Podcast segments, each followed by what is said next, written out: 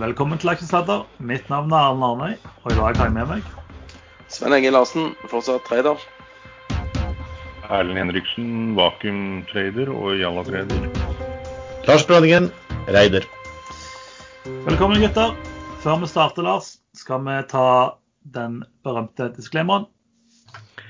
Ja, vi må vel det. Eh, Den lyder som følger. Vi gir ingen råd dersom du hører på hva vi sier her om markedet, aksjer, enkeltaksjer og livet for øvrig, er ansvaret helt og holdent ditt eget. Og så vet jeg at eh, Erlend Henriksen, som fornuftig er, gjerne vil at vi skal også ta med at mye av det vi sier her, tar vi på sparket. Vi har ikke alltid fått sjekket facts, så det er stor sjanse for at vi sier noe her som ikke stemmer med fakta. Hvordan har eh, siste uken vært for dere? Det er jo lenge siden vi har vært samla hele gjengen. Sven, har det skjedd noe spennende i eh, din traderverden? Nei, Kanskje ikke huske Ingen. noe. Ingenting? Jeg tror jeg har vært med på noen emisjoner og noe greier, men jeg, jeg husker svært lite fra siste uke. Ja, du husker du for noe for denne uka, da? Nei, det var denne uka jeg mente. Du har ikke vurdert å få det sjekka, den hukommelsen din? Nei. Nei. Lars, noe spennende hos deg? Nei, faktisk ikke. Markedet har vel vært, i hvert fall ved Oslo har jo vært litt uh, flatt. Uh, og jeg har egentlig ikke gjort så veldig mye. Noe småtteri her og der, men ikke veldig spennende. Henriksen, noe spennende på Jalla og vakuumsida? Ja, det var jeg avsluttet Jalla-treden, vakuumtreden i Koa på Oslo Børs. Eh, Det ble en veldig hyggelig reise. Jeg var litt sent på avtrekkeren da jeg solgte ut alt på rundt 0,35. Eh, Men det hadde jeg i snitt på 0,24 på. Så men da er jeg gått helt eh, over til Coa på Merkur, for nå skal de snart slås sammen. Hvis det prospektet blir godkjent av Finanstilsynet, eller når det blir godkjent av Finanstilsynet, da skal de slås sammen. Så man ser på Oslo Børskursen på Coa, eh, som er akkurat den samme aksjen som på Merkur, men fremdeles er dobbelt så dyr, at eh, markedet begynner å bli engstelig for at den sammenslåingen kommer nå veldig fort. Nå ligger den under 0,30. Ja, men er de egentlig veldig, er de så veldig engstelige hvis de betaler fortsatt dobbelt så mye for samme papir? Ja, nå er det en sånn miks at noen er alltid håpefulle, og noen skjønner ikke hva som skjer. Men uh, den har gått jevnt og trutt ned fra den toppet ut på 0,4150 i to dager eller tre dager siden. Og nå da til under 0,30. Så et eller annet sted mellom uh, et stykke under den kursen og sannsynligvis over Merkur-kursen, tenker jeg at de slår sammen. Håpet er over 0,20, men det vet man aldri. Men eh, disse misjonskameratene, hvor mye aksjer har de igjen? Har de begynt å selge noe av, eh, av de her eh, Ja, de, de to mest kjente, Spetalen og Fredelig, i da henholdsvis Apollo, uh, Apollo Asset Management, heter de vel, og, og Tycoon og Saga som Spetalen av sine aksjer. De har solgt uh, litt over halvparten, begge to. Uh, solgt nøyaktig samme antall, de tok nøyaktig samme antall i emisjonen. Så de har tydeligvis eh, fått en megler til å selge for seg, eh, men de stoppet opp. Eh, De solgte ingenting på, på mandag. Og ingenting på tirsdag heller, det er det siste vi ser på aksjonærlisten. Så hva de tenker nå, om de spekulerer at kursen går litt opp når det slår sammen på OSO og fortsetter å selge da, eller om de nå faktisk har tenkt å bli litt langsiktig i den aksjen, det vet man jo ikke. De syns, de syns sikkert det var veldig greit, fordi at disse her, hva heter det, Teleios, som da var storeiere fra før, de ville jo beholde antall aksjer, og så solgte jo de vanlig Coa, eller Coa Classic som, som man, noen kaller det, altså på høy kurs. Og så kjøpte de tilbake Coa Merkur til eh, mindre enn halv pris, stort sett, og, og gjorde mye penger. En ene dagen gjorde de jo 12 millioner kroner bare på andres folks idioti. Men eh, det, det virker jo åpenbart at når de har vært og kjøpt tilbake de aksjene på Coa eh, Merkur, det er jo de dagene hvor Spetalen og Fredelig og de gutta har virkelig kunnet solgt aksjer. Så strengt tatt så har jo de virket virker mer eller mindre solgt aksjer da, til den gamle uh, storaksjonæren som har byttet. Det har de. Det, det høres veldig naturlig ut, men det var kun den første dagen at, eh, at Telios solgte mye. Eh, Så mye at de kunne bli kvitt en del. Etter det så solgte de aldri mer enn eh, 14-15-17-8 millioner aksjer per dag. Så det er ikke de som har drevet kursen såpass opp på Merkur, det er det andre som har gjort, faktisk.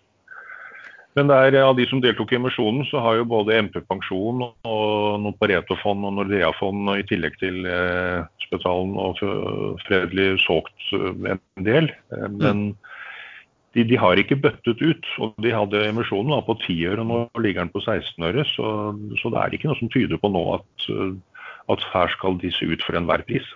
Men jeg har en liten fråga. Hvem er det som har kjøpt alle disse Telios-aksjene på Coa Classic, da? Eller i Coa Classic?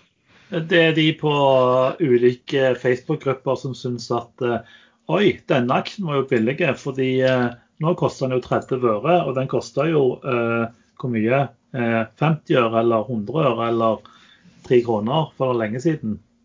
Ja, Det er den ene gruppen. Og så er den andre gruppen sånne som meg, som ser at de begynner å tømme seg. Uh, og når de hadde rundt 30 millioner aksjer igjen av 130 eller hva det var, Eh, da begynte jeg å kjøpe, og da var kursen nede i under 24 øre. Nå er helt nede i 21 øre. Dette var vel et sånt så... Eh, spørsmål fra min side som eh, Er det retorisk det heter? Fordi at nå tok jeg opp nå, Du trenger ikke liksom Altså, nå skal vi se på aksjonærlisten i Koa Classic. Nordnett bank nummer én, Saxo bank nummer to, Avanza bank nummer tre, Danske bank nummer fire og Swedbank nummer fem. Altså Ikke sant. Og så var vel jeg på plass 47 eller noe sånt. nå. det var faktisk altså det, det, som har skjedd, det, det som har skjedd f.eks. i Norwegian òg før det smeller de, de ler. Enten har de eh, tilgang på ubegrensa med kapital og feriepenger, eller så Jeg, jeg forstår ikke hvor, hvor, hvor, de får eh, råd til alle disse aksjene. Nei, men det, altså det, Feriepengene kom jo for halv, to uker siden, så det passer jo Det stemmer jo godt. Ja. Men, ja, men, hvis, men, hvis, kursen er på 30, så kan man i hvert fall trygt si at eh, den dagen eh, eh, prospektet kommer, og det kan jo egentlig komme når som helst i juli sikkert, eh, man vet ikke hvor lang tid sånt tar, eh, da forsvinner ja, skal vi si at i hvert fall to tredjedeler av pengene deres over natta? Er det et fair tips? Det var, det var bare halvparten. Jeg vil tro under halvparten. Jeg tror den kommer til å åpne over 0,20, men det er bare en magefølelse. Ja, men eh, er ikke kursen, Hva er kursen på vanlig koa nå? 0,28, 0,29,50 er den akkurat nå. Å, jeg sa to tredjedeler borte. Beklager, jeg mente at en tredjedel ville, ville, i hvert fall forsvinne bort. Ja, altså, fra... Men da har de fortsatt to tredeler til neste case. Så, sånn, altså, det... sånn går det dagene. Det tar en, eh, tar en, tid før de er i null. Ja. men, men jeg òg vil snakke om siste uke. For jeg snakket jo om en gratis lunsj som jeg egentlig skulle prate med Sven om. Men Sven eh, forsvant jo forrige, forrige fredag, nei, søndag. Eh, og det er jo Funcom. Eh, for den, eh, den, ble jo handla til under 16 kroner. Og i dag kom jo meldingen om at eh, Funcom eh, flytter til Norge. Eh, de får nytt IC-nummer fra 6.7. og det nevnes noe om tvangsinnløsning i den meldingen. Så den gratis lunsjen ser fortsatt ut til å være gratis. Hadde ikke du òg tatt noen lunsjbilletter der, Sven? Jo, men jeg har, jeg har solgt igjen, jeg, for jeg orker ikke vente. Ble, ble, for, ble, for, lite betalt per minutt på Sven? Ja, ble, ja altså nå, nå, ble den krona der bare Altså, det, dette kan ta uker. Så tenkte jeg uff. Da er det bedre å tegne i sånne lugubre emisjoner hos Pareto, tenkte jeg. Ja. Nei, men eh, de som, eh, de som, på en måte eh, bryr seg om den casen, så kom det en lang melding i dag, så det er bare å lese den. og det ja, det kan se ut som det går ganske mye fortere enn det pessimistene ofte. Ja, men jeg, jeg, eh, la merke til én ting i dagens melding. Eh, ja. tidligere så har de liksom eh, sagt at det er deres intensjon om å eh, gjøre en squeeze-out, altså en tvangs... Eh, hva du pleier å kalle det? Utløsning eller innløsning? Det kan du bestemme sjøl. Ja, innløsning heter det. Ja, ja, men det er mye kjekkere med utløsning. Men eh, det som er nå, det, det, de, nå refererer de bare til lovverket, at hver enkelt aksjonær kan kreve seg eh, innløst. Ja. Eh, de, de, sier ikke at det kommer en, eh, en squeeze-out eller en uh, tvungen innløsning. Så kan, og, og, fristen for dette her har jo utløpt. Altså, I for, forhold til hollandsk lov så er de nå uh, i hvert fall fritatt fra, fra, dette her i Holland. Og nå har de flytta over til Norge òg, så da har det vel gått mange nok måneder til at de eh, må gi 17 kroner. Så hvis eh, du f.eks. nå krever deg innløst, så kan eh, kursen bli en annen enn 17. Ja, for det er vi diskutert litt Det har vi vært borti et en gang, eh, Lars, husker du det? I eh, Wilson. Det er helt riktig. Og, den, Og da da, krangler på prisen. Da fikk ikke vi med for at eh, retten syntes du var en fæl fyr som hadde kjøpt aksjer for å, for å få riktig pris. kan du skjønne? For, for, for det, det var denne tingen vi diskuterte sist gang. Finnes det på en måte noen eh, For DNB har bekreftet at det på en måte kom en eh, tvangsinnløsning. Men det er på en måte ingen som bekrefter at den blir til 17 kroner. Så det store spørsmålet alle har lurt på er finnes det noe lovverk eller noen ting som gjør at Tencent slipper å betale 17 kroner for aksjene. Ja, hvis det drøyer mer enn seks måneder siden utløpet av budet eh, Men det Norge. Men det budet løper ikke det ut i mars? Eh, det kan godt være. Men det er tre måneder i, i hollandsk lov. Ok.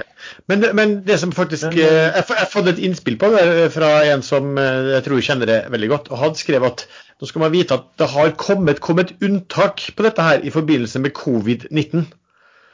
Da kom det inn unntak på, på, på bud. og, og, og det, var, det var mer som kom et unntak for at selskap skulle være i stand til å kapitalisere seg opp uten at man eh, fikk eh, budplikt.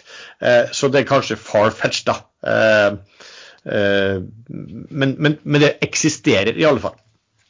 Så, så du kan risikere at eh, blir dyr og ikke gratis. Det ser- da du det ser bra ut, vil jeg si.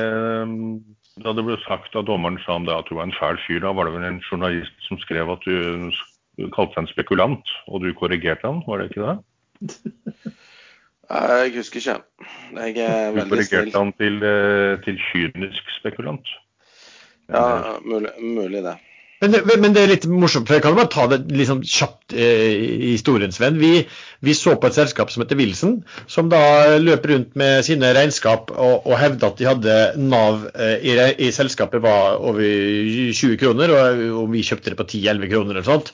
Og vi kunne kjøpe det, og da ville altså eh, eierne der, som da var vet dere, Guyano eller et eller annet sånt, eh, Eidesvik, de hadde da en plikt til å kjøpe oss ut av aksjen.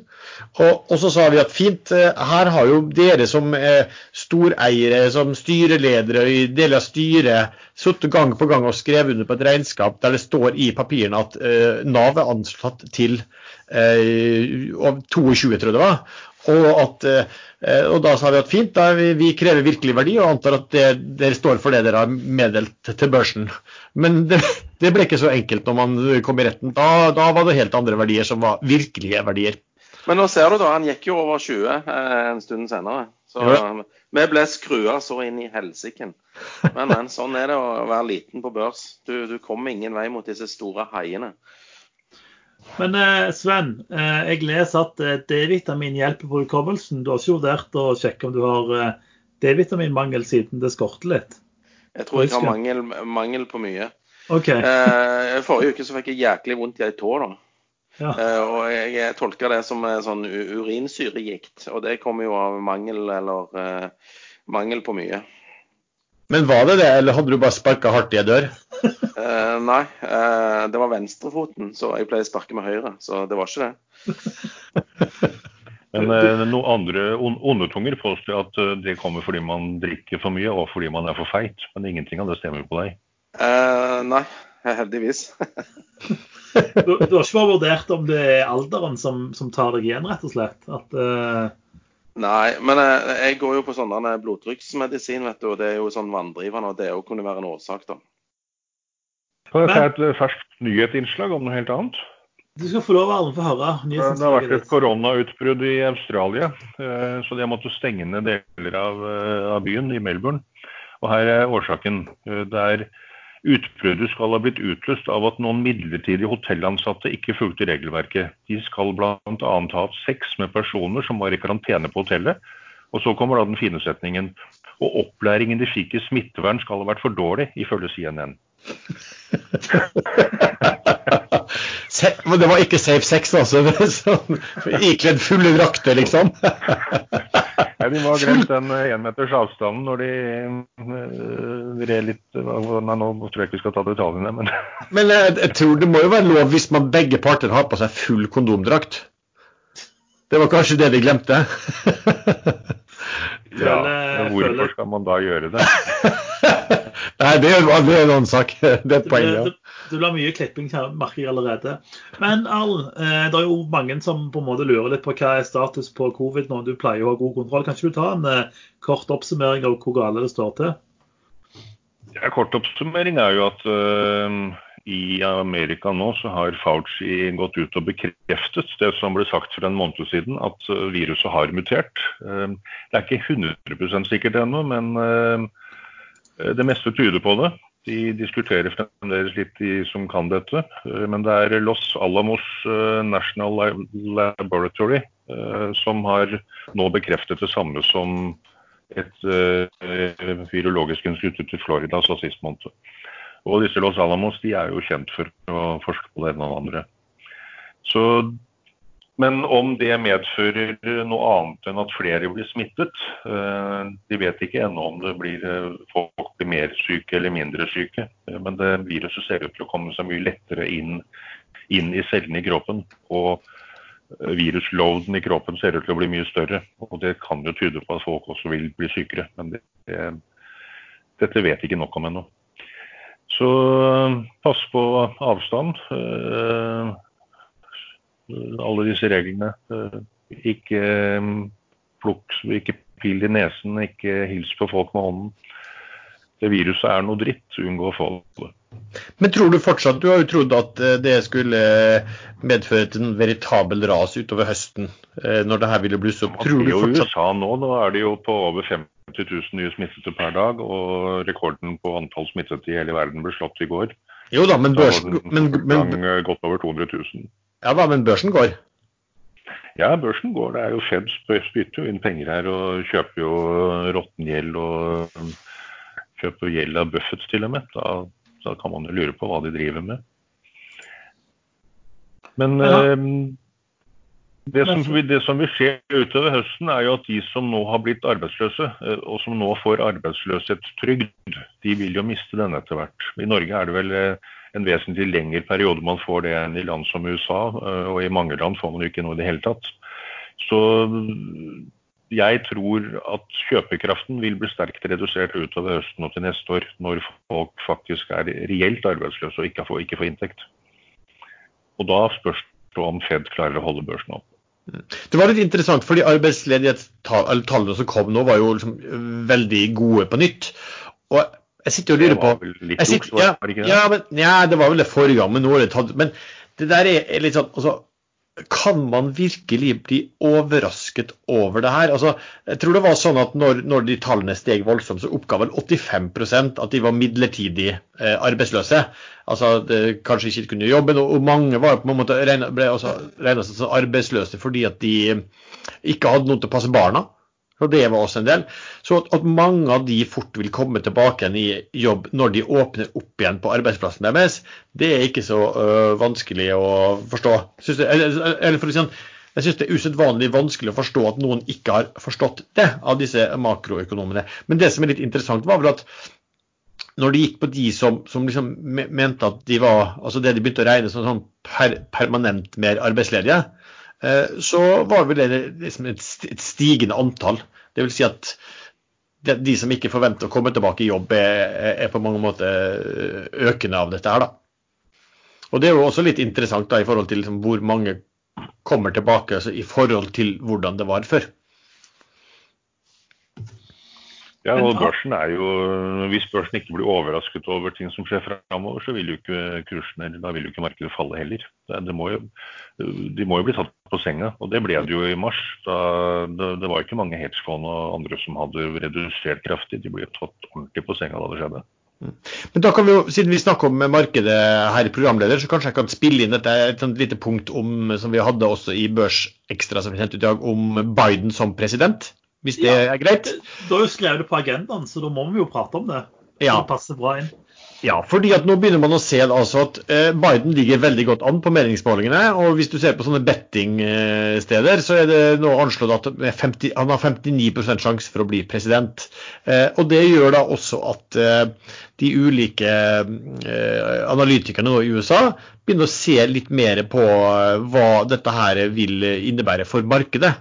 Og det, og det er litt interessant. altså Det skal, skal man faktisk følge veldig godt med på. fordi at Eh, eh, Trump har jo, har jo kutta bedriftsbeskatningen voldsomt. Eh, jeg tror han har kutta sånn fra 35 til 21% Han jo gått helt enorme underskudd, enda mer underskudd på balansen i USA. Og Biden har jo sagt at dette må vi, vi må reversere en del av de store kuttene i bedriftsbeskatningen. Og han blir jo hardt pressa også på, liksom, på venstresiden av Det demokratiske partiet. Så Goldman Sachs de estimerte at halvparten av eh, bedriftskuttene i bedriftsbeskatningen blir reversert, eh, og at økninger i visse andre avgifter. Det, altså, og det antok de da ville kutte 12% av den gjennomsnittlige inntjeningen per aksje for SMP-selskapene. 12% Det er ganske mye, altså. At inntjeningen, gjennomsnittlig inntjeningen skal falle 12 Um, så var det også sånn at, at, det var snakk om økte minimumslønner, som kan redusere inntjeningen i detaljisthandelen. Uh, han vil reforhandle prisene som myndighetene betaler for legemiddel. Uh, men så er det en annen bit her, er at de er mye mer opptatt av miljøvennlig energi og utslippsreduksjon, og vil gi sikkert mer støtte til fornybarsektoren. Og så er man da usikker på hva, hvordan vil de forholde seg nå til de store teknologiselskapene som har gått voldsomt opp på børsen. Elizabeth Warren har tatt til orde for å bryte opp Amazon, Google og Facebook. Men, men, det blir veldig spennende å se om når markedet begynner å ta inn over seg at, at man her kanskje går, ser for seg en, et 12% fall i inntjening per aksje i ulike selskaper. Men, men, det mest interessante er jo hvis de, hvis de øker minstelønn, eller setter minstelønn, for ikke alle stater har minstelønn, så vil jo kjøpekraften gå opp over tid. Altså alle land som på en måte øker lønninger, vet jo at det skjer. Men det vil jo på en måte ramme Kortsiktig så vil det jo ramme inntjening, det òg. Men det er jo en positiv ting i det lange løp for landet. Ja, ja. Altså det, det, jeg vet ikke hvordan det vil slå. De, de snakka her om det reduserer inntjening i detaljisthandel, og hvor mye det vil slå på de ulike eh, selskapene som er på børs. Og så, og så skal man liksom huske på at eh, selskap på børs er ofte litt, litt, annerledes enn den gjennomsnittlige bedriften i USA. Ja, det er faktisk et godt poeng. Eh, vi har fått inn en haug med spørsmål, og det slår meg at 90% av de er til Erlend Henriksen. Uh, som er ganske interessant. For uh, i starten så var liksom alt til Sven og traderen Sven og litt til Lars, men nå er liksom alt er til Henriksen. Uh, men det er veldig... Da har vi fått inn for mange Jalla-investorer på ekstrainvestor. Ja, dette er jo fra podkasten Aksjesladdergruppa vår, hvor det er nå 1300 medlemmer. Ja, så det kunne bare kalt den Jallartrader-gruppa og vakuumteori. Men det er vanvittig mange spørsmål om softdog, så jeg gidder ikke å lese de opp. Kan ikke du bare, Det har skjedd en del ting i softdog den siste uka. så Kan ikke du bare ta en uh, kjapp recap og forklare litt hva som har skjedd, og hvorfor kursen har uh, falt uh, 30 eller 40 av den ned fra toppen? Ja, nei, det, Ledelsen gikk jo ut i mars, april og mai vel og um, fortalte om kraftig økning i produksjonsvolum. Um, og nå når Q2-tallene kom, så hadde de solgt for 5 millioner kroner. Uh, og da har de enten ikke tjent noen ting per flaske de selger, eller så har de nesten ikke solgt noen. Og det, er det siste som stemmer. Um, CEO har gått ut uh, nå i et, et, brev, hva kaller man det, et julebrev, uh, som ble børsmeldt i dag, som jeg syns er ganske patetisk, hele brevet. Um, og forklart hva de egentlig mente. Og jeg syns ikke det ble noe bedre i det hele tatt. De, de, kommuniserer veldig dårlig.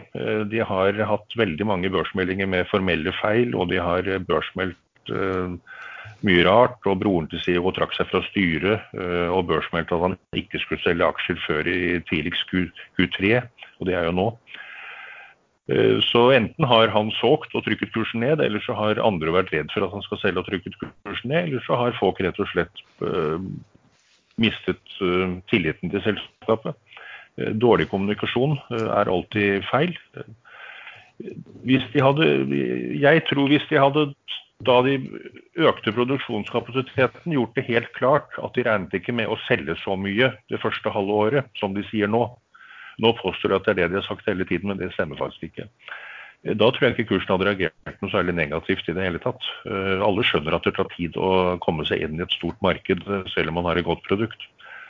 Men her forventet markedet salg i mange titalls millioner-klassen, og så ble det en, en halv titalls. Det, det, er jo nesten ingenting.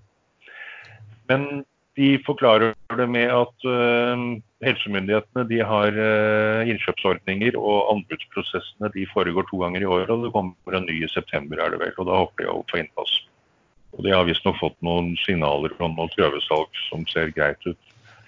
Men du kan vel litt om den helsesektoren, eh, Erlend? Er det, er det korrekt at store anbudene er to ganger i året? Eh, jeg vet ikke om de er to ganger i året, men er, vi sjekket opp dette. Jeg, hadde, jeg var i en, en, diskusjon med flere. Så vi leter. Det kom, kom anbud. Jeg har, ikke, jeg har, ikke, de foran meg, så jeg kan ikke lese de opp. Men det kommer anbud til høsten. Men det er ikke innkjøp to ganger i året, det er bare anbud. Jeg tror, ja, Det er iallfall anbud som kommer nå. Jeg vet ikke hvor ofte det er anbud, men det er anbud som potensielt Softox kan, eller partneren deres kan vinne, som gjør at de kommer, de kommer inn der. Eh, jeg, jeg, så forresten på det her brevet, og jeg, jeg, er litt enig med det du sier, at de virker litt amatørmessige. De, press, altså de børsmelder eh, A message from the CEO, Geir Almås. Eh, Geir Almås har skrevet et brev til aksjonærene, og istedenfor å ha det i, i, i børsmeldingen på Newsweb, så må du inn på Softox hjemmeside og lete til du finner det. For det ligger ikke på framsida. Så de liksom ja. Oh, men, les, le, men, lesebrev og bloggbrev det hører vel egentlig ikke igjen på som børsmelding heller. De hadde jo en presentasjon også, så falt kursen, og så følte de vel kanskje behov for å gå ut da, og si hva de kanskje egentlig mente, eller hva som måtte, måtte, være misforstått. Men da får de heller sende ut det i en sånn virkelig, i en virkelig eh, børsmelding. Det er bloggmeldinger at hei fra, hei fra CEO god sommer og sånn. Det er i hvert fall ikke noe jeg har sansen for. Nei, men jeg tenker i og med at de, de prøver jo å, å tydeliggjøre ting i dette brevet, eh, og det brevet påvirker jo eh, kursen. Og når de først melder at de har sendt et brev, så kan de iallfall putte brev i meldingen, så du slipper liksom å dra på jakt for å prøve å finne hvor dette brevet er, er lagt ut uh, henne. Men, uh, men, men, det, men, men, men, jeg så bare litt, Det var jo litt fascinerende, og jeg skjønner at de holder på med mye mer dette selskapet, men, det har jo vært veldig sånn hype rundt det pga. covid og, og, og mm. desinfisere av overflater og hender og alt mulig sånt. Og det var jo sånn at det her selskapet Først så meldte de da at de skulle produsere 5000 per dag. Så meldte de at de hadde liksom klart å øke dette her opp til at nå skulle de klare å produsere 15 000 per dag. Og i løpet av kort tid. Så meldte de at de hadde nå etablert produksjonslinjer med kapasitet til eh, oppimot 45 000 flasker. Det var i mai. Og så eh, meldte de da samtidig at de arbeider med ytterligere en parallell linje for å svare på økt etterspørsel. Så fra 5 ja. til 15 til 45, og sier at de skal arbeide med ytterligere en linje for å svare på økt etterspørsel. OK, for å svare på økt fremtidig etterspørsel kunne jo vært noe skrevet da, men alle oppfatter jo det som at her øker de så fort de bare kan, fordi at for å svare på økt etterspørsel, altså etterspørsel som er der i dag. Og så viser det seg da når Q2 kommer at eh, de har knapt nok solgt noen ting i forhold til hva eh, masse folk hadde forventet. De har ikke sagt så mye om marginene, men det, det lille de har sagt, uh, forventet inntekt på 5000 flasker solgt om dagen, det står vel i prospektet i desember-emisjonen. Da klarte man å regne seg fram til at de ville faktisk sitte igjen rundt 40 kroner flasken. Og hvis de da, når de, når de sier at de øker til 75 000 flasker per dag for å tilfredsstille etterspørselen, da regner markedet ut at da tjener de faktisk 3 millioner kroner brutto per dag. Og så kommer da og så kommer kvartal to-tallene eh, Kvartal 1, nei, kvartal eh, tall, De oppdaterte sakstall for kvartal 2, og det var 5 millioner kroner totalt. Ja. Men hele, de regnestykkene var vel i kategorien 'too good to be true'? Altså, det var masse snakk om kapasitet, og det hørtes ut som om knapt nok andre kunne uh, levere noe som helst av disse desinfeksjonsproduktene. Uh, og, det er en kombinasjon av uh, veldig opphauset kommunikasjon kombinert med da etterpå øh, en med melding som, de, som er for dårlig. Det, det, men nå syns jeg dere har brukt grævla mye tid på et case som egentlig er ferdig, da. Så Kanskje Men vi bare skulle Men Vi Sven, kommer tilbake til høsten. 50, 50, det det sa, de, det, det sa de om covid òg. Ja. Nei, men, men Sven, 50 av spørsmålene vi har fått inn denne uka, handler om softdog, så da er det greit. Ja ja, men altså, folk sitter jo stuck. Altså, Ja, ta det, tapet Ta tap og move on, liksom. Ja. Det, er, det er ferdig. De vil ha trøst av Erlend som kommer med case. Og Ja, det- det- det det, det- det, det var ikke det- noe trøst å få. De vil ha sånn en dyp bassstemme som liksom luller de inn i drømmene om at dette går bra til slutt. Men det går ikke bra til slutt. Det er bare å selge med en gang. eh, liten, Jeg er eh, veldig klar på det eh, hver gang jeg kommuniserer sånn. Når noe går motsatt vei av det jeg selv kjøper, jeg kjøper fordi tingene skal opp, eh, begynner å falle, så selger jeg med en gang. Og det, det burde flere gjøre. Ikke lag nye begrunnelser for å holde på aksjer som av en eller annen grunn har skuffet, eller kursen faller.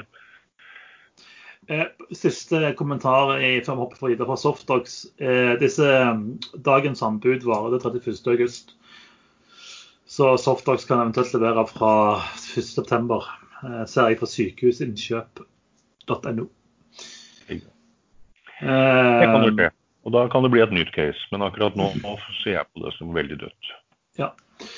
Men vi kan hoppe videre. Sven, du er lei av Softox. Få høre hva du har å si.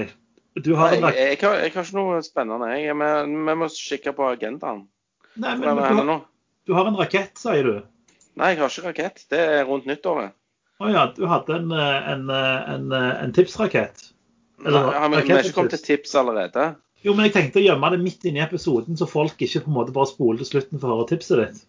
Eh, nei, vi må ha det på slutten. For, forbered oss psykisk, alle sammen. Nei, jeg, nå, nå finner jeg ikke agendaen engang, men ja, OK. Det, ja. Jeg kan, eh, nei. jeg- Hvor mye av denne her podkasten har gått med til det softdox-caset? Det er gæla mye. Ca. ti minutter, så det blir en sjettedel av episoden. Vi skal Nei, jeg bare tenker alle episoder til sammen. Det har vært mye softdox. Ja, men nå Det blir har det vært en sånn. Fantastisk reise fra Ja, bunnen ja, til toppen. Ja, Men, ja. men, men Sven, hadde ikke du solgt softdox på 22 kroner og sittet til 80 eller 90, så hadde du syntes det var gøy å snakke om du òg. ja det, det vet jeg ikke. Det, Men, folk eh, er så treige, og, så- og så selger de ikke heller. Altså, de tror det liksom skal gå til Altså, det er ingen grense for hvor langt ting kan gå. Men eh, det er, så, det er oftest det, altså. Men eh, mens du leser agendaen og finner noe du snakker om, eh, Lars, eh, Mifid eh, begynner jo å slå Å, an. fy faen. Mifid, det er kjedelig. Skulle vi ikke hatt noe litt mer eh, krydder her nå? Ja, få høre, Før vi, før vi gikk inn på Mifid? Ja, vi kan, Nei, vi kan jo faktisk snakke om pe salt og pepper og, og kardemomme. Det er jo bedre enn Sven, kan, kan ikke du ta en pille maling. for den toalis, så smerten går over, så du blir i bedre humør? snakk om maling, malingen som tørker og litt sånt. Nei, du, du vet, Sven, vi har jo en agenda som du ikke har fulgt noe på, så da tar vi det som står der. Men eh, jeg ser det står Mifid. Dere mener vel egentlig Mifid 2? Egentlig. Det er Lars, så Lars glemte totallet. Ja, det pleier å være to, en, uh, Roman num numerals. Det er to, to sånne i-er. Men eh, jeg syns den, den er litt spennende, fordi eh, de har vært ute i media, flere meglere, så de dropper råd til vanlige kunder. Eh, fordi Mifid gjør at det ikke er lov, eller hva er greia, Lars? Du må være profesjonell kunde, må du ikke? For Ja, altså- å kunne motta råd. Eh, nei, altså det er jo sånn at eh, du må lage en egnethetserklæring da, for hver enkelt kunde, ikke sant? Meglerhusene. Eh, for å se hvilke typer råd kan du faktisk gi til den kunden. Eh, og så forsto jeg sånn at eh, nå orker de rett og slett ikke gi råd til vanlige kunder lenger, for det blir for dyrt. For at, som sagt, det var egne, Ifølge en, en advokat i Vikborgen som har uttalt seg i, eh, i, i media, så sa han at ikke bare må du lage egnethetserklæring for hver enkelt kunde, men du må faktisk gjøre det for hvert enkelt råd til hver enkelt kunde. Eh, Så da betyr det at profesjonelle, de profesjonelle sitter med mye penger, de kan få den type aksjeråd, men eh, for det fleste så så, så blir det for kostbart og komplisert eh, å gi råd til, fra meglerhuset til, til, til vanlige kunder. Da. Så, sånn sett så kan du si at da er på mange måter får ikke små investorer den rådgivningen. Og da er det to spørsmål med det. er jo egentlig én, hvor skal de gå andre steder? Og to, er det noe, er er det noe stort savn for de å ikke få rådene fra meglerhusene? Jeg tipper nei. Vet du hvorfor? Fordi at de hører jo ikke på de rådene likevel.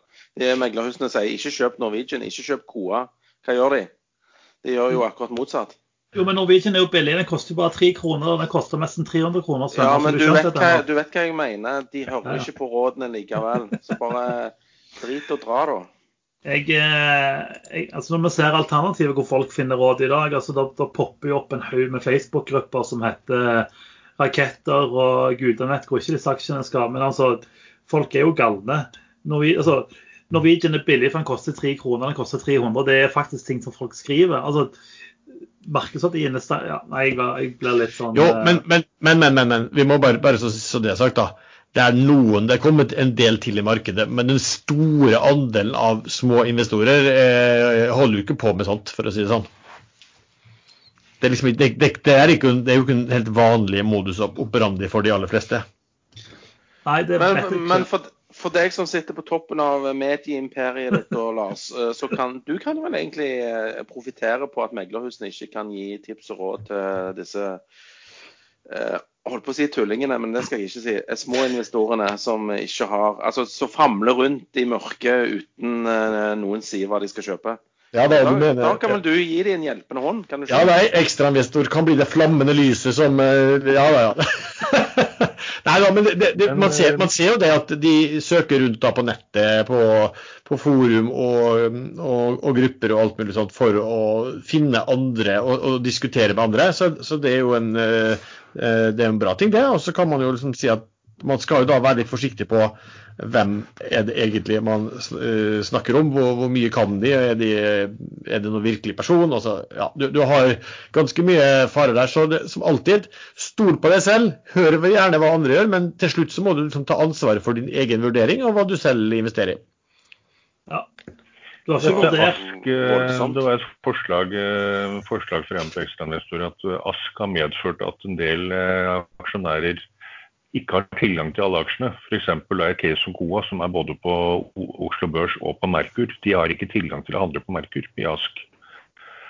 Kan det være en bidragende faktor til at uh, altfor mange kjøper på Oslo Børs når de burde kjøpt på Merkur? Hva er Ask for noe? aksjesparekonto. Det Det, det blir som et AS. Du, du skatter ikke før du tar ut pengene. Ah, men du kan ikke handle på Merkur? Nei, der er du kan kun handle Oslo Børs-aksjer og Kan du handle fond på Ask ennå? Ja, det kan du, for det har jeg gjort, tror jeg. Eh, men det er begrenset hva du kan handle og ikke handle.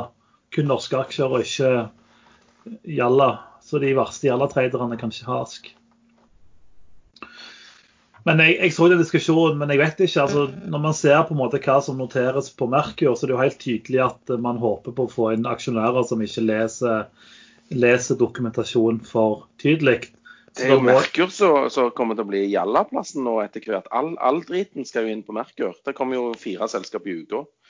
Ja, så jeg, eh, jeg, jeg tror ikke den teorien stemmer, fordi det, det, det, må, det må finnes dumme penger for at på en måte alle disse som kaller det galskapen som skal noteres, noteres der. Men jeg vet ikke. Men spørsmål til Oslo Børs. Hvorfor i alle dager har de laget så svake meldepliktregler? Eh, Det er ikke meldeplikt når man faller under eh, disse vanlige 5-10-15-20 %-grensene. Det er meldeplikt når innsidere selger, men først før børsåpning tredje dag. Eh, Dvs. Si at disse eh, finanssjonglørene som tar nye selskap på børs, de kan de to første dagene eh, pøse ut aksjer i markedet uten å melde noe som helst. Det er jo Hva altså, er poenget med det? når Det er for å lette administrasjonen til selskapene, sånn at de kan fokusere på forretningsutvikling.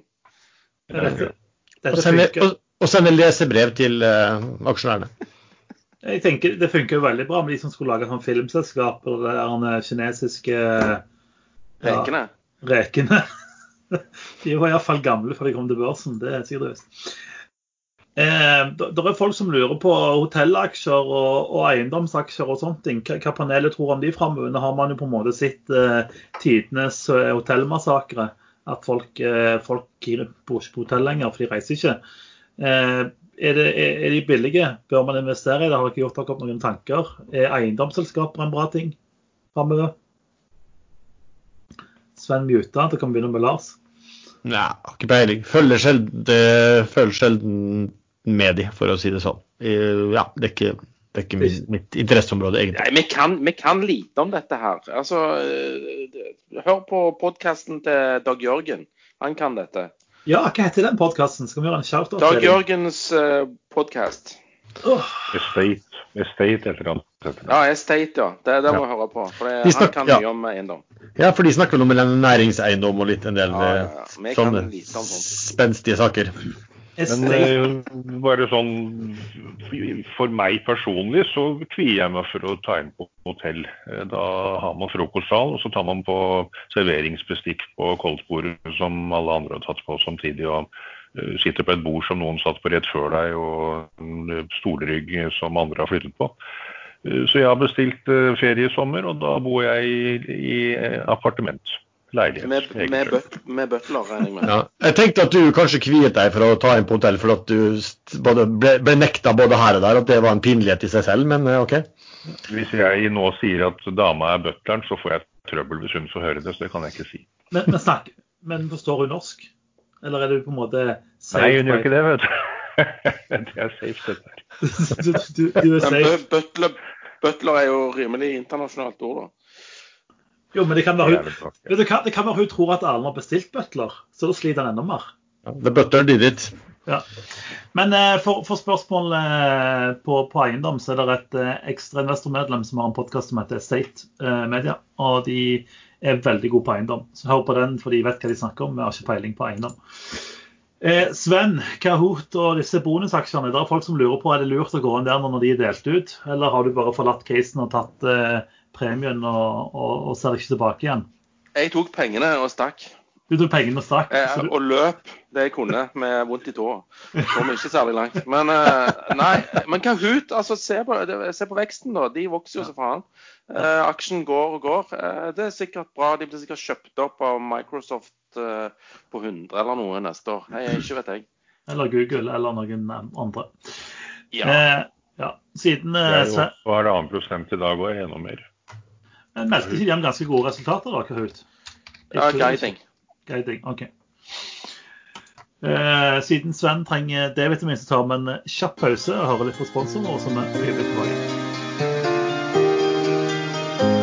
Dagens sponsor er som vanlig IG.com. IG.com er notert i London og har kontor i flere store europeiske land. Eh, på IG kan du ikke bare kjøpe aksjer, du kan jo òg shorte aksjer, Lars. Det er riktig. Nå er det et stort antall aksjer du kan, eh, du kan handle i på IG, og majoriteten av de kan du da eh, faktisk shorte. Eh, Og nå har også IG den siste perioden de har lagt til flere aksjer på både for- og etterhandelen på det amerikanske markedet. Eh, Et problem når man kjøper eh, aksjer i USA, er jo at man får en valuta, en valuta, eller man får valutarisiko. Eh, Hos IG kan du også ha valutakonto, som betyr at du handler aksjene i dollar, og dermed ikke så eksponert for endringer i valutakursene. Hvis du ønsker å teste IG, så kan du gå til ig.com, eller så kan du gå til linken som ligger i beskrivelsen av podkasten, og følge den. Velkommen tilbake. Da har Sven fått tatt litt D-vitamin, så nå husker han, eh, husker han alt han gjorde sist uke. Så det er veldig bra. Eh, det har vært eh, mye emisjoner og det er mye noteringer på, på Merkur og sånne ting. Sven og Lars, dere har jo fulgt med litt på dette. Har dere lyst til å prate litt om det? Skal vi snakke om? IPO-ene du har vært med på først, Sven? Begynne der. Ja, hva er det jeg har vært med på? Jeg har vært med på Endur. Endur. Eh, det var Det var Hvem var det som hadde den? Sparebank1 og Norne. Norne. Ja, jeg tenkte hos Norne, da. Jeg har en gammel eh, gammel Pareto-megler som jobber i Norne nå. Eh, hei, Helge. Um, og jeg tenkte litt aksjer hos han, og fikk, fikk litt aksjer, og solgte de med en gang og tjente litt penger. Så det var mitt forhold til Endur. Må, måtte du ringe for å få aksjer, eller ringte megleren til deg? For dette snakket vi om tidligere, at hvis megleren ringer til deg, så må du bare styre unna. Men hvis, eh, hvis du må ringe nå- til ham, så han, Ja, eh, nei, det var han som ringte. Jeg vet ikke, Norne det er jo ikke verdens største meglerhus. Nei. Eh, så han hadde vel noen han visste uh, var interessert i snabba cash, liksom. Ja. Så da ringte han til meg. Noen som var gal, gal nok til å ta telefonen? Ja, han lurte på om jeg hadde sett mye på dette på plansjen og sånn, men det hadde jeg jo ikke, da. Men, eh, men eh, jeg bare tenkte altså når, når emisjonen blir gjort på 1,50 og sist kurs var 2,30, så er det Ja, der trødde de med, med folk som syns da, da er en billig. Så da tenkte jeg får vel 1,60-1,70, og det stemte jo helt på en prikk. Mm. Um, ellers har jeg tegna inn noe som heter hva faen, uh, Elop. Eh, De driver på med noe sånn betonginspeksjon-greier med en ny dings eller et eller annet. Som er eh, backa av altså Blystad, Skårstad og eh, Horpestad. Må hete noe med Stad for å få være med der. Men eh, sta som jeg er, så fikk jeg tegna litt der òg. så den blir litt spennende. Kommer på Merkur. Merkur er den nye plassen, altså. Det er den nye It-plassen og framover. Så det er bare Hæ? Hvis, du- hvis du ikke har rask konto, får du ikke handle. Nei, du må ha rask konto. Det stemmer, det. Ja. det var vel en del av de samme navnene der som det var i Endur, var det ikke det? Det som slår seg sammen med Jo, jo, jo. Og, og, og de har jo funnet et sånn kryptoselskap også, som de skal notere i Sverige. Så nå tar de alle selskapene sine, for nå er det nok sånne folk som springer etter alt som kommer. Så det, det minner ikke om eufori eller noe. På ingen som helst måte. Nei, Men, heller ikke eh, toppen av Det, det, det, det er ikke noe faresignal eller noe på om at eh, børsen eh, kanskje topper snart. Så det er bare å løpe og kjøpe. Og, og kvitt dere med denne asken og, og eh, få dere skikkelig konto, liksom. Og kjøp på Merkur. Det vil jeg anbefale. Men, Ironi, ironien er så tok Nei, dette er ikke ironi. Altså, Det er der pengene kommer til å finnes framover. Det er på Merkur. Vi skal skifte navn De skal skifte navn òg nå, til noe sånn fransk. Eh, Men, eh, men nei, det, men det er ikke, det er ikke tullinger. Euronext har skifta Det- navn på de tre markedene. det stemmer, det. Så nå får du, de, de blir sikkert kvitt denne ME-tikkeren òg. Så det, nå blir jo Merkur ble, Eller øh, den, Det blir sånn fransk åpning på Merkur nå. eh, Euronext Growth skal det hete. Åh, Ja. tenk Åh, Mens eh, Vekstbørsen, vekstbørsen liksom. åh. Oslo Det Access skal hete eneste som kommer til å vokse der, vet du hva det er? Det er spleis. Etter Spleis. Ja. Hvis vi går litt tilbake til, eh, til Endur, eh, det har jo da Det er jo gamle Bergen eh, Hva heter det for noe? Bergen Group i sin tid. Bergen Belsen. som uh, slet i alle år, og hver gang de gjorde noe, så gikk det altså galt. Og så um, endret de etter hvert navnet til Endur og fusjonerte med da, et selskap som det også gikk galt med. Der ble vel det ene datterselskapet slått konkurs før de tok det tilbake igjen. Kjøpte det ut av konkursbo. Men nå fusjonerer de da med Oceano, som er et sammensurium av andre selskap til den, den samme gruppen du snakket om før. Ja, det, de, de, de, kjører etter den eh, gamle, det gamle prinsippet minus og minus gir pluss. Det de nå, dette er tredje gang de prøver, så alle gode ting er tre. Ja. Jeg så faktisk, jeg jeg fikk jo tilsendt også da, eh, den presentasjonen på, på den emisjonen, så er jeg ikke like intelligent som Sven, som, som vanlig. som. Intelligent. Jeg bare tenkte at eh, det Ja, var en er- masse tullinger. Ja, ja, ja, men, jo, men det er jo smart tankegang at, at den, det blir satt med så stor rabatt at folk tenker at det er stor rabatt også, uten å tenke på at kursen kanskje er kjørt fra 80 øre til eh, 2,40, og så setter vi emisjonen da på 1,50, som er dobbel kurs hva en del folk har kommet inn på før. Men jeg, men jeg så på de men jeg så på det, det, de tallene her. Nå kjente jeg ikke til uh, Oceano, jeg kjente godt til Endur og Bergen Gruppe, eller historikken her som har vært for å si mildt grusomt. Og eh, jeg kjente liksom ikke til det, det virk, Dette virket som et sånt flott og godt selskap på, mange, på mange måter når jeg så på det her, slo meg, her er det liksom å sette lipstick på grisen til så tidlig grader. Altså, og, men dette Oceano det vet jeg ingenting om. Men vi, vi snakket litt om det før sending også. Jeg så liksom at det viste tall for, for Endur for 2019. Eh, både på EBITDA og, og på driftsresultater. og liksom, eh, Jeg stussa jo på det. Liksom, I all verden, liksom, har, har de virkelig levert sånne tall? Eh, nei, de har jo ikke det. Dette er justerte tall eh, der visse ting er tatt bort som gikk, som gikk eh, dårlig. Eh, om de har brukt samme taktikk også på, eh, på disse her eh, Oceano, det, eh, det vet jeg ikke. Men det var vel noen av dere som hadde sett på det og funnet at det var vel ikke akkurat noe eh, lystige tall det selskapet heller hadde prestert, var det ikke så? Ja, ØPD bl.a. skal inn der, ØPD AS. Og der, der har jo Horpestad vært styreleder eh, hele tiden, tenker jeg. Men de har seks forskjellige CEO på, på noen få år og tapt penger eh, alle de tre siste årene. Og det var vel 75 millioner de tapte bare i 2017. og 2018 totalt. Så det, det, ser ikke ut som at det er eh, veldig, veldig lukrativt det som puttes inn i Endur nå. Men eh, Minus og minus. minus men, men, men, markedet er fantastisk. Det er eufori. Du kan lage nye, gode stories om at dette ser bra ut, og at her finnes det gode muligheter til å gjøre oppkjøp og vokse veldig kanskje ikke stilles altfor mye spørsmål eh, til de selskapene som skal slå seg sammen. Eh, og så kommer det mange finanskjendiser, og så setter man en eller annen kurs eh, på dette her. Og så er det ikke så lett å regne verdi, og kanskje ikke så veldig mange bryr seg fordi at kursen har jo vært mye høyere og det ble rabatt. Eh, og så er vi i gang. Det, altså, men, men det er jo faktisk smart av de som sitter med Det har forundra meg for å si sånn, at ikke flere har, har, gjort en del ting, og spesielt de som har med, med miljøet. Men, men, det er smart når det er sånn euforisk noe hvor folk eh, Du ser argumentasjonen rundt folk på hvorfor skal du Altså dette skal opp 50% Ja, hvorfor? Nei, fordi det skal opp. Altså folk er euforiske. Folk har ikke noe det er en veldig mangel på interesse å sette seg ned og se på hva faktisk disse selskapene er for noen ting. Eh, og det er jo en glimrende eh, anledning til å kunne få oppkapitalisert selskap på høy kurs. Og så er det en, eh, Du nevnte at Endur kursen var på 2,30 og ble satt på, emisjonskursen ble satt på 1,50. Men det du ikke nevnte, eller det du kanskje eh, ikke eh, glemte eller ikke visste, det er at kursen kom fra 0,70-tallet før den gikk til 2,30. Lars sa jo nettopp det. Ok, ja. Så det er Hvorfor gikk den til 2,70? Ble det spredd noen rykter? Var det noen som støttekjøpte selv, eller brukte man bare jungeltelegrafen og folk trodde at her ble det noe kjempe Kanskje trodde, noen trodde at kursen skulle helt opp til fem kroner, emisjonen på fire kroner. Men den ligger fremdeles rundt 1,50, så det er nok en god del som har sett litt på tallene og tenkt at dette er kanskje ikke det helt store likevel.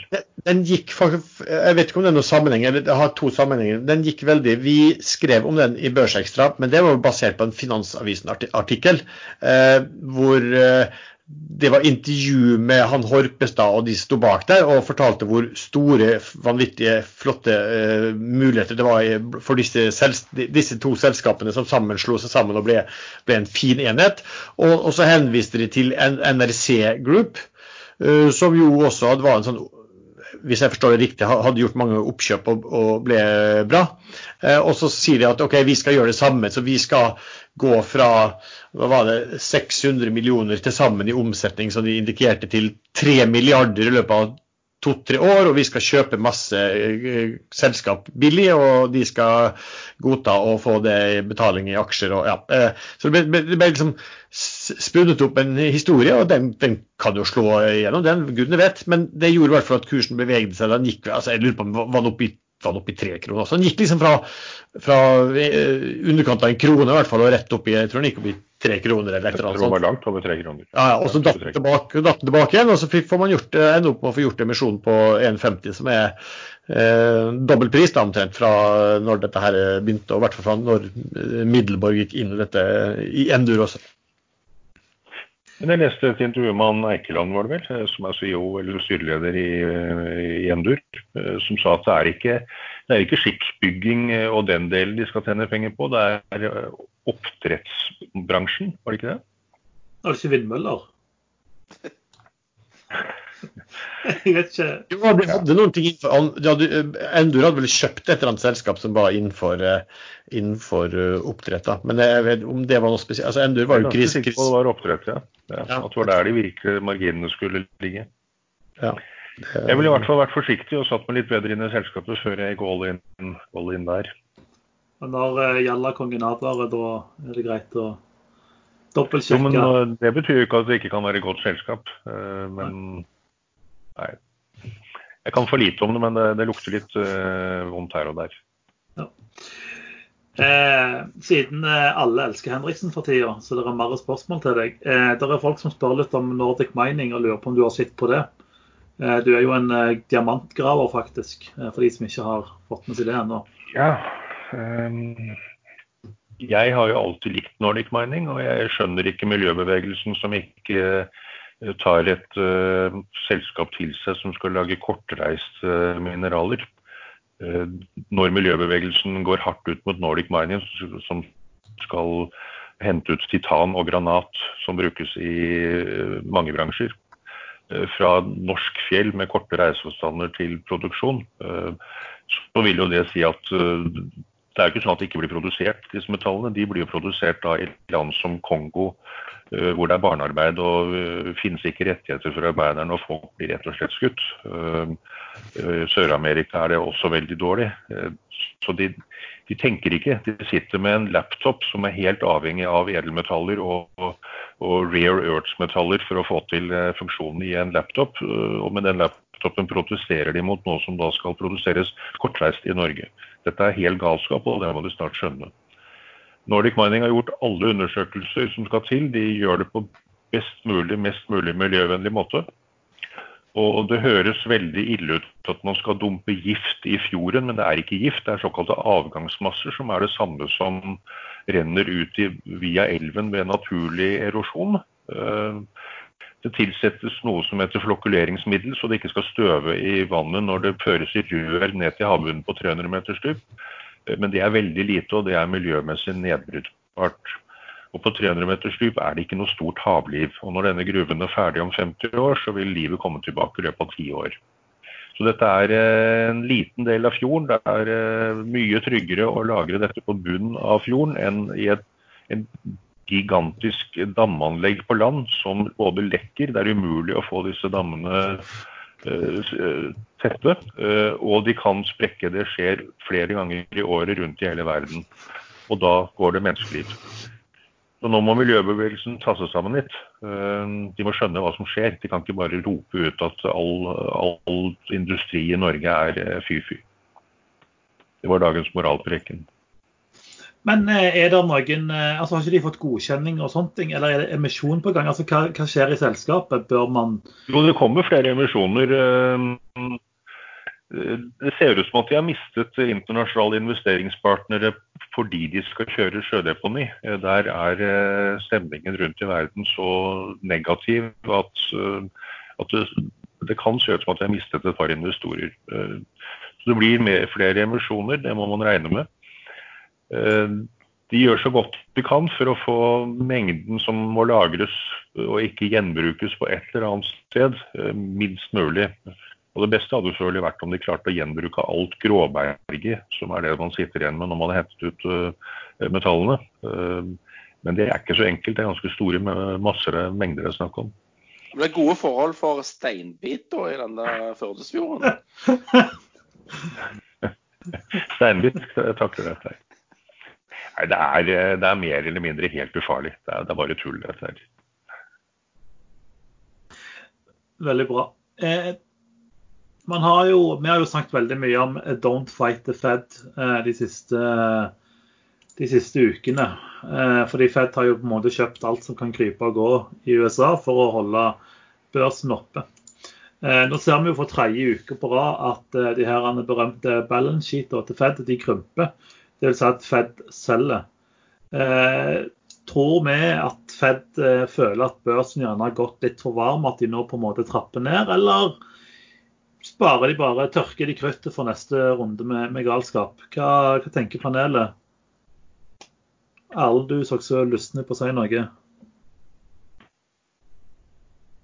Så jeg lysten ut? Ja, da kom, da kom det ut fra deg. Sven, da? Nei, eh, jeg, jeg tror de er litt sånn eh, Nei, jeg, vil ikke svare på det. Jeg syns det er vanskelig. Jeg vet ikke hva de tenker. De sier 'whatever it takes', har de sagt nå lenge. Ja, eh, og det, på en måte, de krømper, altså, det er jo eh, ja, men De krymper, de krymper bitte, bitte litt. altså. Det er vel egentlig bare han innkjøpsansvarlig som har fått vondt i halsen eller noe. Så eh, jeg tror ikke du skal lese for mye inn i det. Kan være bare at de 1 var det ikke det? Ja, altså Du kan si 1.7 så var, var det 7,6 trilliarder dollar versus 7,13 trilliarder dollar uka før. Altså De har krympa det med ja, jeg vet ikke hvor mye. Ja, men, det, men, det, kan være bare at de, de, får noen innløsninger eller de får noen betalinger på noen verdipapirer, eller sånt, og så, og så unnlater de bare å reinvestere det. ikke sant? Og det er nok til at Ja, Det kan ha skjedd at, at, at, at, noen obligasjoner har uh, faktisk uh, utløpt, og de har fått uh, penger for dem. Ja, men det, men, det, men, men, det er bare snakk, Lars. Ja, jeg, vil bare si at altså, dette her er. Dette er jo fullstendig galskap. Altså, de, de, har satt opp en krisepakke, og så skal de støtte og kjøpe eh, obligasjoner, altså foretaksobligasjoner, dvs. Si altså selskapslån, i markedet.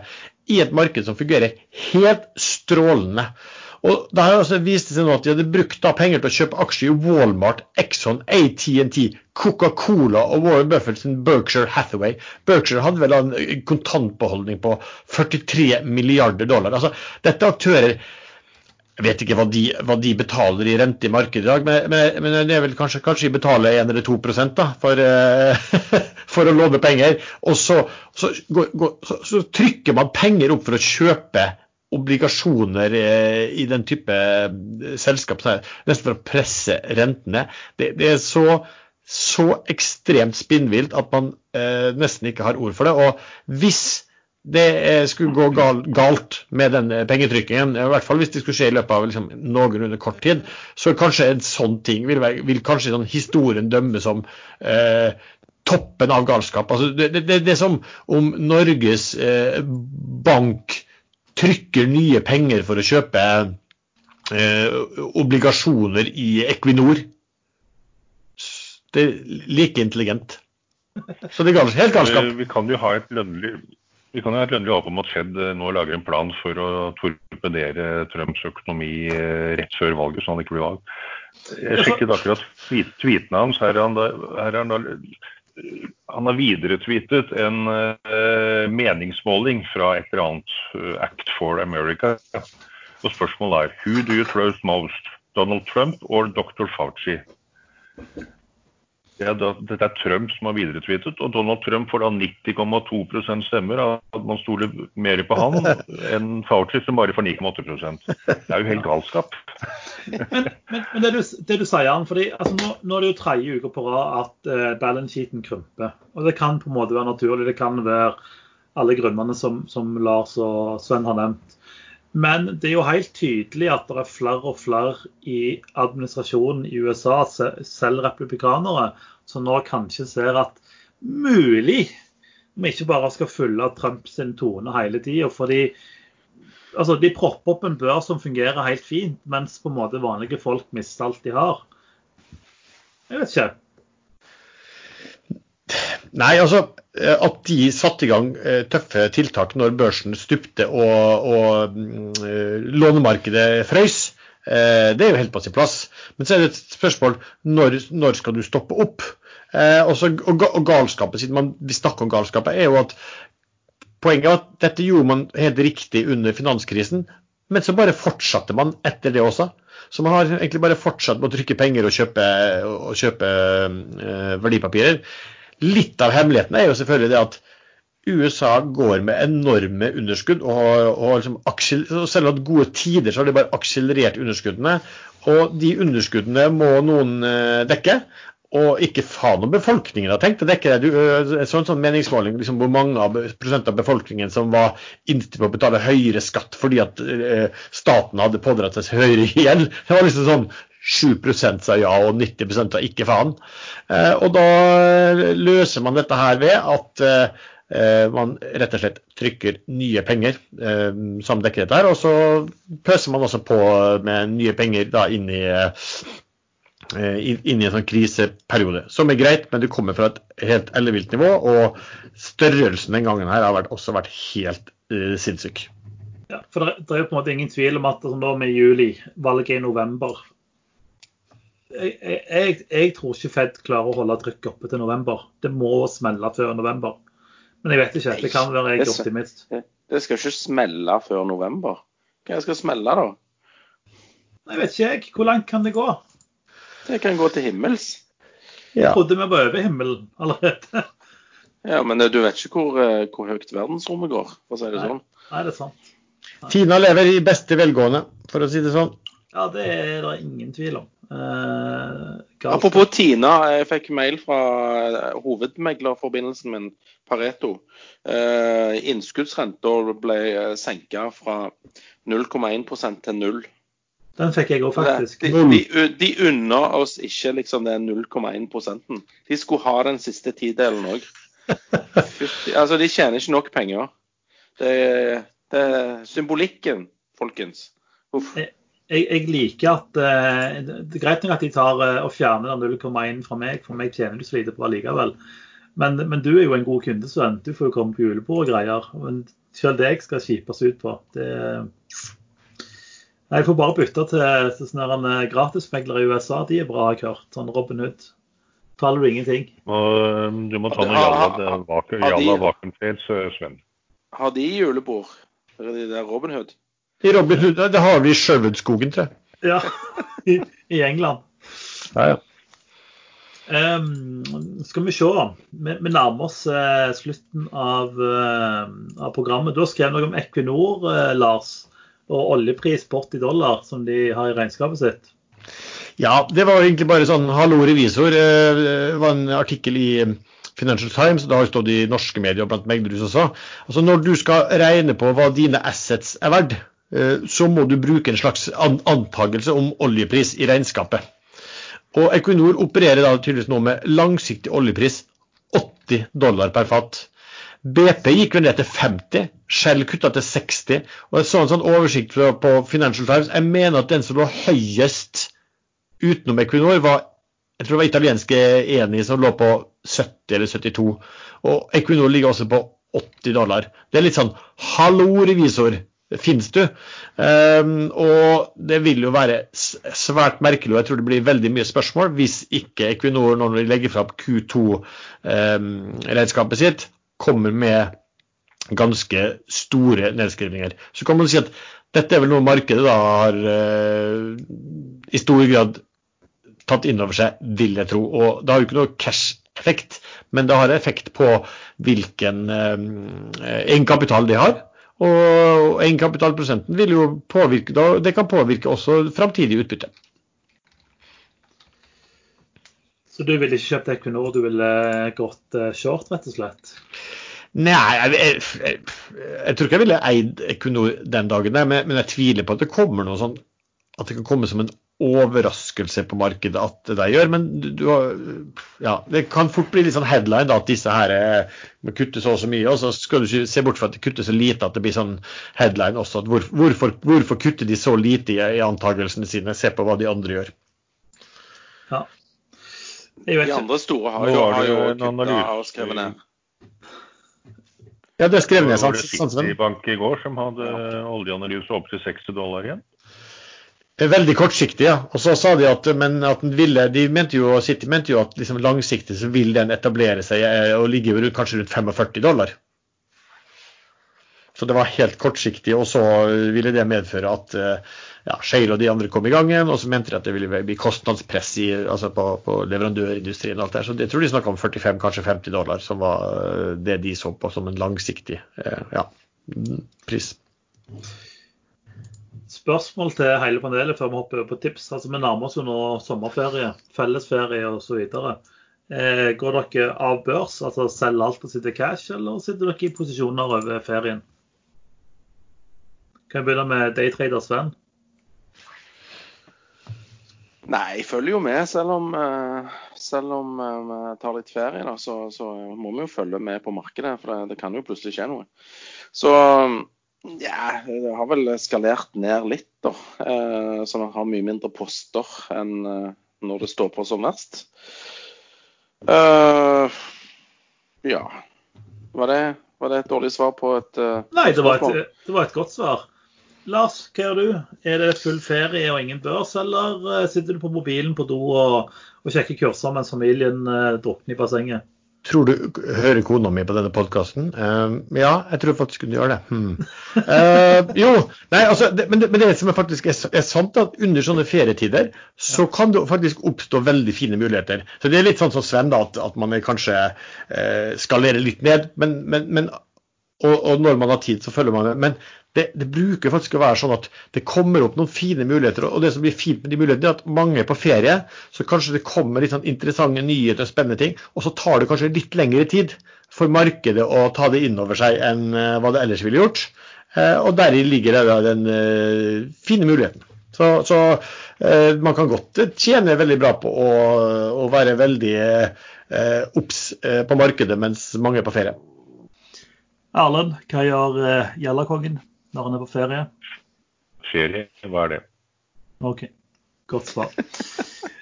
Jeg, jeg, jeg hadde faktisk en eh, litt morsom, histo- jeg morsom historie. Jeg hadde en kollega som var glad i å jobbe, som alltid ble tvunget til å ta ferie av kona. Og han satt da på do og hadde Skype-møter og, og jobba når han var på ferie med kona, for da fikk han noe fred, og hun visste ikke at han jobba. Men uh, Det er jo et kjent begrep.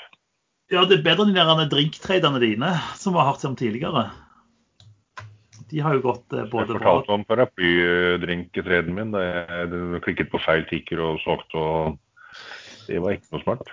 Nei, jeg tror du fortalte, jeg tror vi klippte hvert halve historien også av uh, i frykt over at noen, noen under 25 kunne høre på. Ja, det var jo ikke bare trading den historien, for å si det sånn. Så vi, Som eh, vi tar den på julebordet eller, eh, eller livesendingen, som kanskje kommer plutselig. Men, men jeg bare litt spørsmål til Erlend Henrik Sjala, konge. Jeg- jeg- Når du trader og sånn, hva tenker du om å legge deg midt i spredden? En gang til. Hva tenker du om å legge deg midt i spredden? Jeg Er legger det, meg en, er, det, er, er det noe du er komfortabel med, og en strategi som fungerer fint for deg? Eller starter du fra én side? Hvis jeg ser en jallatred som jeg tror kommer til å ta av, så går jeg opp og kjøper på best veldig ofte. Blir ikke det dyrt i lengden? Nei, eh, det, da skal jeg være ganske sikker på at potensialet er mye høyere enn det jeg tar. Men eh, kommer det en eller annen melding som, som jeg mener at kommer til å utløse uh, Jalla trade er litt sånn feil, egentlig. Fordi det er, eh, det er en del illikvide aksjer eh, hvor eh, en melding kan ha veldig stor betydning, og da kan kursen dra veldig langt. Og Hvis man da legger seg i boka for å ta imot, så, så, så var den var jo illikvid før. Hvorfor skal folk plutselig begynne å selge ned til meg i en illikvid aksje når det kommer en god melding? Så jeg tar gjerne glemmer spreden helt og går opp og kjøper på best, og stort sett lønner det seg. Hvis ikke så hiver jeg ut med 2-3 tap med en gang. Riktig. Men det er, det, er, det, er en, det er ikke noe jeg har lært meg på et halvt år, dette her, eller på en uke, som sikkert folk tror at man kan gå inn og kjøre jallatreder og vakuumtreder. Det, det er en del års erfaring som ligger bak, å se på hva som skjer i markedet, hvorfor ting skjer, og, og hvor langt ting kan gå når det først setter i gang. Nå kan du ha melding her at eh, Petrolia SE har funnet hydrokarboner i Dugong-brønnen. Det er han Berg... Det er Bergegert. Ja, det er det. Så nå har de funnet olja igjen. Det var vel på rundt 2,30 eller noe sånt nå sist jeg sjekket. 32. Ja, nå er han på 33. 3,30 Ja, ja, ja. var kanskje der eller noe. Men eh, det alle venter på, og sikkert pga. halvparten hører på, på sendingene våre med Sven, det er jo dagens tips, eller ukas tips, som ikke bør eh, følges, for det vi gir ingen råd, og du dummes følger rådene våre. Eh, og du Sven har jo skrytt veldig av tipset ditt, for du er ganske fornøyd med dette tipset. Det vet vi ikke ennå. Eh, eh, Det vil jo historien vise. Men jeg har et, tips, eh, et lite tips utenom det vanlige, som går på miljøvennlig investering, da, som da er veldig inn for tiden. Og jeg har, eller med hjelp av et meglerhus, funnet fram til et amerikansk Shell-selskap, altså et, et børsskall, som heter så mye spennende som HL Acquisitions. De er notert på Nasdaq. Ingen aktivitet i det selskapet whatsoever, eh, bortsett fra at de har ca. 55 millioner dollar i cash. Et veldig kjedelig selskap har vært notert siden 2018 med det formål å finne en investering innen energirelatert virksomhet. De eh, fant først et eh, LNG-selskap i eh, Singapore. eh, og hadde egentlig tenkt å fusjonere inn det da, som en reverse takeover. Men de kutta det ut. Men nylig har de funnet et selskap i Portugal som heter noe så spennende som Fusion Fuel. Og der er det inngått en fusjonsavtale. Og det spesielle med dette selskapet, Fusion Fuel, det er at de produserer hydrogen på samme måte som eh, Nell. Men de bruker solenergi og solenergi only til å produsere denne energien. Og, og det vil si at de, at de lager noe, de kaller for grønn eh, hydrogen, som er veldig, veldig miljøvennlig. Eneste avfallet de får i denne prosessen, det er da oksygen, i motsetning til f.eks. andre som da produserer karbondioksid. En, eller, hovedgrunnen til at jeg har kjøpt litt aksjer i HL Acquisitions, da, er at eh, jeg tror det kommer til å komme en veldig stor hype eh, rundt dette selskapet. Selskapet har vært rundt om i Oslo og uh, presentert seg til en rekke av meglerhusene og fått inn relativt profilerte nordmenn til å mest sannsynlig kjøpt aksjer. Jeg var selv med på callen til det ene meglerhuset og så en hel rekke med profilerte norske investorer på den listen. Som, og, men dette er ikke et case som da vil vare eh, ut neste uke. De, dette kommer til å være en prosess der de kommer til å ha en generalforsamling for å vedta fusjonen. Eh, skifte ticker på selskapet. Og jeg tror det er den, rundt den tiden at ting kommer til å ta av.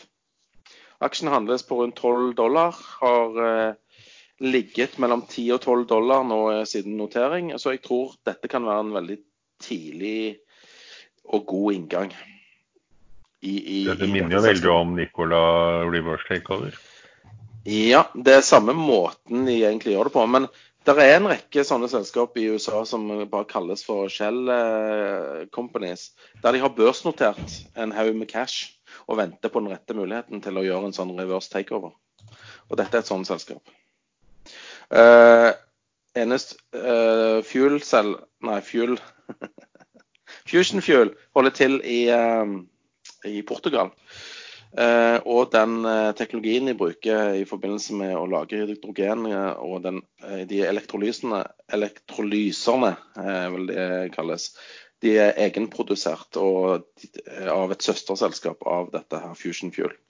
Så de mener sjøl de har veldig god tilgang på teknologien eh, i denne sammenhengen. Et av styremedlemmene i HL Acquisitions eh, er norsk, heter Lundetra og er en veldig kjent person innen norsk finansmiljø. Og Det er derav at de har vært rundt i Oslo og presentert dette caset. krisen. kom, kom, kom, han fra liksom, Fredriksen-miljøet opprinnelig, eller var det? Det, det stemmer. Mm. Han har òg vært uh, nylig sjef i, i Bård Drilling, så han kjenner nok eh, de rette folkene, for å si det sånn. Uh, ja, det er en å følge med på. Tikkeren er HCCH. Har kjøpt litt aksjer. Kommer sikkert til å øke på litt uh, fremover. Tidshorisont frem til uh, Fusion Fuel blir notert med egen tikker. Spennende. Vet du om de kommer til å gjøre en splitt for å få, for å få på en måte billigere aksjer i hermetegn? Ja, nå, nå, nå, må du slutte, altså. Aksjekursen er 12 dollar. Hva, hva, hva du vil ha? Én dollar? Ja, f.eks. Du, hvis, du, hvis du ville ha noe på lavt nivå, så eh, vi har, husker vi snakka om Nicola, og at da fantes det noe som heter Nicola, Nicola V, som warrants. Her har du også Her har du ikke bare én, her har du faktisk HCCE HCCHV for warrants, HCCHU for units og HCCHR for hva var det? Rates eller et eller annet? Tegningsretten, ja. Ja. Men hvis det ikke skulle bli noe av denne transaksjonen, så vil jo cashen i HL Acquisitions fortsatt ligge der. Mens uh, og, men den vil jo eventuelt eh, etter hvert bli spist opp da eh, over tid. Så det safeste bettet er nok å ta aksjen, mens ja. det mer, mer risk-bettet er å ta tegningsrettene. Ja, altså, det er faktisk litt billigere. Ja, øh, hvis, men hvis du kjøper warrants i dag, så betaler du jo mer eh, for det enn hva du betaler for aksjen. Men du, klarer, du har opsjonal, husker, hvis hvis vi snakka om eh, Nicola og Nicola Awards, så kunne du ikke kjøpe eh, Nicola egentlig til halv pris via Nicola Awards. Eh, her betaler du litt mer eh, ved å kjøpe aksjen via Awards, men det er jo for, for, at du har en opsjonalitet. Men så har du, som du Sven sa, en risiko for at det aldri blir en endelig deal her. Riktig.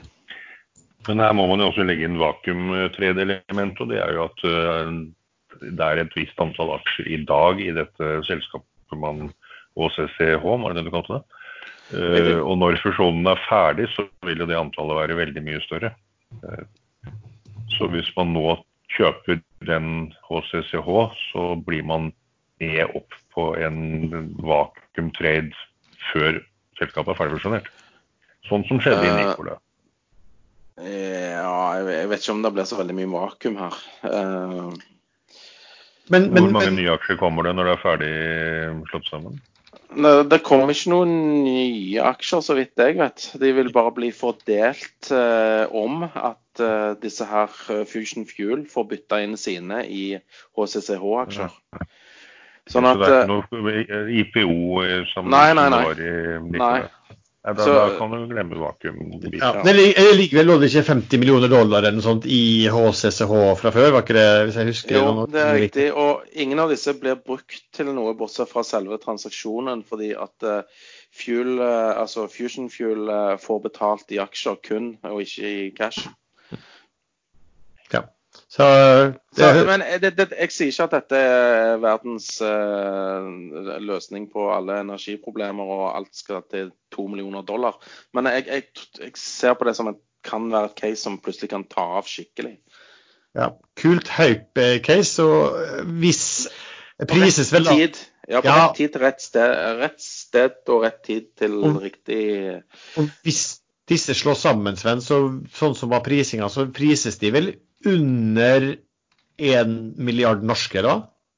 Rundt 100 millioner eh, 800 millioner eh, kroner, var ikke det? Jo, noe sånt, ikke sant? Og da kan du Ja. tenke, altså, Her vil jo sikkert noen som i hvert fall i Norge som vil løpe rundt og snakke om eh, eh, og snakke om Nell, som var i dag priset, var priset i dag, de prises til eh, 19 milliarder. Så eh, enig at det er sånn hype case. Og når jeg sier det, da, disclosure, jeg har også kjøpt. Oi, oi, oi. oi. Det, nei, bare gå inn på HL Acquisition sine sider eller Fusion Fuel sine sider. Der ligger det eh, presentasjoner både på teknologien og eh, på business case. Det anbefales. Ble du redd, ble du redd nå når du hørte at jeg hadde kjøpt? Skal du, skal du løpe og selge nå? Nei, det, det er stengt i USA i dag, så jeg må vel Ja. vente til mandag. Lars, sa du at Nell sin markedscap cap var 19 milliarder? Er ikke den nedpå? på? Nei, den er jo mye mer enn det. Den er jo nesten 30. Jeg så helt feil der på Men hvor mange prosent var Petrolia opp da, du, da børsmeldingen kom? Da du så det og Jeg tror den var under 10 opp. Nå er den 25 opp. Ja. Jeg tok 5000 Og det er- på 34 og solgte de på 360 igjen nå. Men eh, den kan gå. Den kan plutselig gå, denne her, altså. Ja, nå, er, nå er laveste kjøper på 370. Så, Men da, du gikk da også opp, eh, droppet spreden. Du la deg ikke i boka når du fikk på 330? Jeg lar meg ikke Jeg, er ikke, jeg, jeg, jeg, har, jeg har ingen uh, erfaring med å ligge, med, eller ligge midt i spredden. Eller liten erfaring. I forhold til deg så har jeg veldig liten erfaring når det gjelder det. Snakker du om aksjer nå, Sven? Nei, det er jo det jeg ikke gjør. Jeg prøver å liksom antyde at du er jo Casanovaen i panelet. Men uh, før Sven uh, seiler seg helt ut på tur her Et dårlig rykte har aldri skadet noen. Nei. Eh, Lars, noen tips fra, fra Notodden, skulle jeg si. Ja, et, eh, et, et lite tips, og så en som kanskje kan være bare en sånn liten morsom obs å følge med på. Um, ja, tips kan være noe så kjedelig som uh, Jeg hadde jo egentlig lyst til å si samme tips som Sven, men uh, jeg får kan ta eh, American Shipping Company. Som jo har eh, re refinansiert eh, store lån og fått de eh, billigere. Og det gjør egentlig altså at de, de har veldig høyt utbytte per i dag, men eh, man snakker jo om at de eh, bør kunne komme opp i altså, eh, 12 eh, og gå kanskje videre opp og betale oppimot 3,8 kroner, er det Pareto anslo per aksje i utbytte. Og, og det er jo ganske fint når kursen i dag er på 25 kroner, så kan det altså gjøre at de burde kunne betale ut eh, 15% Så er det sikkert en del som er tvilende til det, for det er er tankers. Men her er det litt ulikt, for at disse opererer kun i USA eh, under en såkalt Jones Act-lovgivning. Og de har leid ut båtene sine til eh, et selskap som heter Overseas Shipowning Group. Det har de gjort på faste rater siden ja, eh, vel 2012-13 eller et eller annet, om det ikke var før det. Og, og det de løper ut nå da, og de blir gjerne fornya. Og nå tror jeg det i snitt så løper de vel ut da mellom 2022-2023, disse, eh, disse båtene. Eh, negativ flåtevekst er det også i det området, og veldig liten begrenset verftskapasitet. Så det ser ut som om de er i stand til å betale veldig bra utbytte fortsatt, og økende. Eh, Pareto var ute og sa 38 kroner i kursmål, og Arctic kom ut eh, hva det går, og sa 45 kroner. Så kursen har stått stille etter gode nyheter, eh, i hvert fall, og det kan bli et veldig bra utbytte-case. Så det er et case. Og så har jeg en bitte liten obs. Det er et selskap som har falt, og som har kommet med en sånn katastrofemelding. Inser Insurance. Varsel om at Finanstilsynet vurderer å dra inn konsesjonene mitt pga. mangelfull risiko- og kontrollstyring. Det rare var at rett før den meldingen så hadde de altså fulltegna en emisjon på 3,75, eh, og det var altså over børskurs.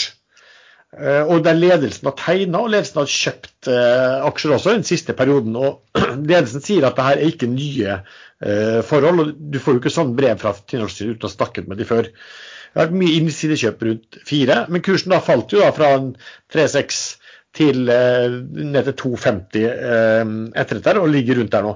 Det som, er, det som, kan være litt interessant, er at nå må de se på og har leid inn Carnegie, og så må de se på om kanskje de må bare prøve å selge dette selskapet. Og Uh, Det er jo det du må gjøre hvis, hvis, du kan risikere å få konsesjonen din uh, trukket inn. Uh, bokført verdi av selskapet er litt over børskurs per i dag. Markedcapen er på sånn 350, og det er omtrent der bokført, ja. Men de har et vanvittig stort eh, framførbart underskudd som er på 1,4-1,5 milliarder kroner. Eh, som har en teoretisk verdi som tilsvarer hele markedsverdien på selskapet i dag. Så jeg sier at Det, det blir mer sånn å følge med på eh, det som er vanskelig å vite hva som ligger til, til grunnen for noen ting. Eh, hvis plutselig innsiderne begynner å kjøpe, så kan det være smart å gjøre det, men det gjør de neppe hvis de holder på å se på mulige eh, oppkjøpere der. Um, klart De som sitter litt på innsiden her, har jo en enorm fordel ved å forstå om er disse bøkene er det dårlig kontrollstyring, betyr det tap, eller betyr det bare at de har litt eh, dårlige ja, systemer på dette her. Men følg med, i hvert fall. Det kan, kan en aksje som kan gå, kan gå mye hvis de eh, ja, får redet ut ting. Så det var, det var en og en halv, kan vi si det sånn. En, en, en, et, et, tips og en følg litt med på. Kan bli moro. Henriksen, noe vakuum- eller Jalla-tips eller øvrige tips fra fra din side? Ja, Jeg har jo nevnt uh, Idex noen ganger før som en aksje som ser ut som at de faktisk begynner å få litt ting på plass. Uh, de har vel ikke fått på plass sensoren sin ennå, men de har uh, samarbeid med samme kunder som både svenske Fingerprint og, norske Swipe. Og da begynner, da begynner, det å lukte litt mer ekte vare av selskapet. Eh, kursen eh, falt litt fra rundt 1,60-70-nivå til rundt 1,40-nivå. Da hadde ledelsen tilfeldigvis generalforsamling, og, og, opsjoner ble ut, nei, ikke opsjoner, men styrehonorarene ble utdelt i aksjer med 15% rabatt på sist kurs. Og jeg vil jo gjerne nevne at det er, det er gjengangere i Idex og disse TIN-selskapene at uh, kursen faller tilfeldigvis alltid rett før de skal sette, utstede opsjoner, eller sånn som nå uh, få styrehonorar i aksjer. Men kursen har fortsatt å falle etterpå. Nå er den på rundt 1,30, og den nede i 1,27 i dag. Um, det har vært ventet. De har vel selv kommunisert at de skulle melde en eller annen kontrakt innen utgangen av Q2, og den har ikke kommet ennå. Så nå er de da tre dager på overtid. Eh, så hvis den kontrakten ikke kommer, så kan jo fallet bli bunnløst. Men eh, kommer den, så er den plutselig langt opp i både over 1,60 og over 2 kroner, kanskje til og med 3 kroner igjen. Eh, men Idex er litt farlig aksje. De er inne i small cap-indeksen. Og hvis børsene skulle krakke, så følger Idex med langt ned i kjelleren. Så handle with care. Og så har man Life. Der er det nå for fjerde eller femte gang en av de store eierne som selger seg helt ut. Eh, det er pussig. Det er veldig få på aksjonærlisten som er noen navn man legger merke til. Eh, ikke noen store fond. Sparebank Vest Sogsøt først. Eh, de er et såkornfond som var inne, så det er naturlig at de selger seg ut. Men nå er det da gamle kaffekongen Friele eller en av hans slektninger som uh, selger seg ut. Det kan visstnok også karakteriseres som en sånn såkornfond. Og Kursen er jo nå på rundt seks kroner, og den Den gikk jo fra 2,20 oppover. Så når fjerde store selger selger seg ut nå, så begynner jeg å bli litt skeptisk. Men eh, markedet fanger opp disse aksjene. Den var nede i fem kroner i dag. Toppet ut på åtte kroner og ti øre. Eh, jeg tror at eh, dette tar tid. De selger sakte, og jeg tror kursen kan gå under fem, men da begynner den å bli interessant som en, som en trade. Men hvis disse store har en grunner som ikke vi vet om til å selges ut, så er det jo litt farlig. Det er, det er, det selskapet som har Det er Merkur notert, Life-ME. Det er de som har vet, sukkersyke hva er, det de tester for, da? I hvert fall sånn supertestsensor i Norge. Og så bruker du den testen i et tysk selskap som skal lage en femminutters koronatest med samme type sensorteknikk. Erlend, hvis vi tar logikken når vi diskuterte Soft i forhold til at folk på en måte prøver å finne nye, gode grunner i dårlige nyheter for å beholde en aksje, så virker det litt som det sa altså, Når du snakker om Life nå, så er det jo det er jo den ene store investoren etter den andre. Så er det sånn ja ja, men de var en uh, såkornfond, og det er kanskje òg et såkornfond. Og, og, de er sikkert òg et såkornfond som bare legger godviljen til. Der, lukter det ikke litt at så mange det er, store selger nå? Det er røde flagg der det er røde flagg der. Ja. Så, men øh, jeg vet ikke. Jeg tar nok sjansen en gang til, men ikke, ikke med noe veldig stor post denne gangen. Bra. Det var det vi hadde i dag. Eh, dersom eh, du liker sladder, eh, gi oss gjerne fem stjerner på Apple Podkast og anbefale aksjesladder til en venn. Eh, har du spørsmål, har du kommentarer, eh, post mener du at vi har sagt noe feil, eh, kom gjerne til diskusjon med oss enten på Aksjesladderkanalen på Ekstrainvestor eller på Facebook-gruppa vår, podkasten Aksjesladder. Og så er det bare å ønske alle våre lyttere god helg eh, og god sommer. Og så dukker vi nok opp om ikke så lenge igjen.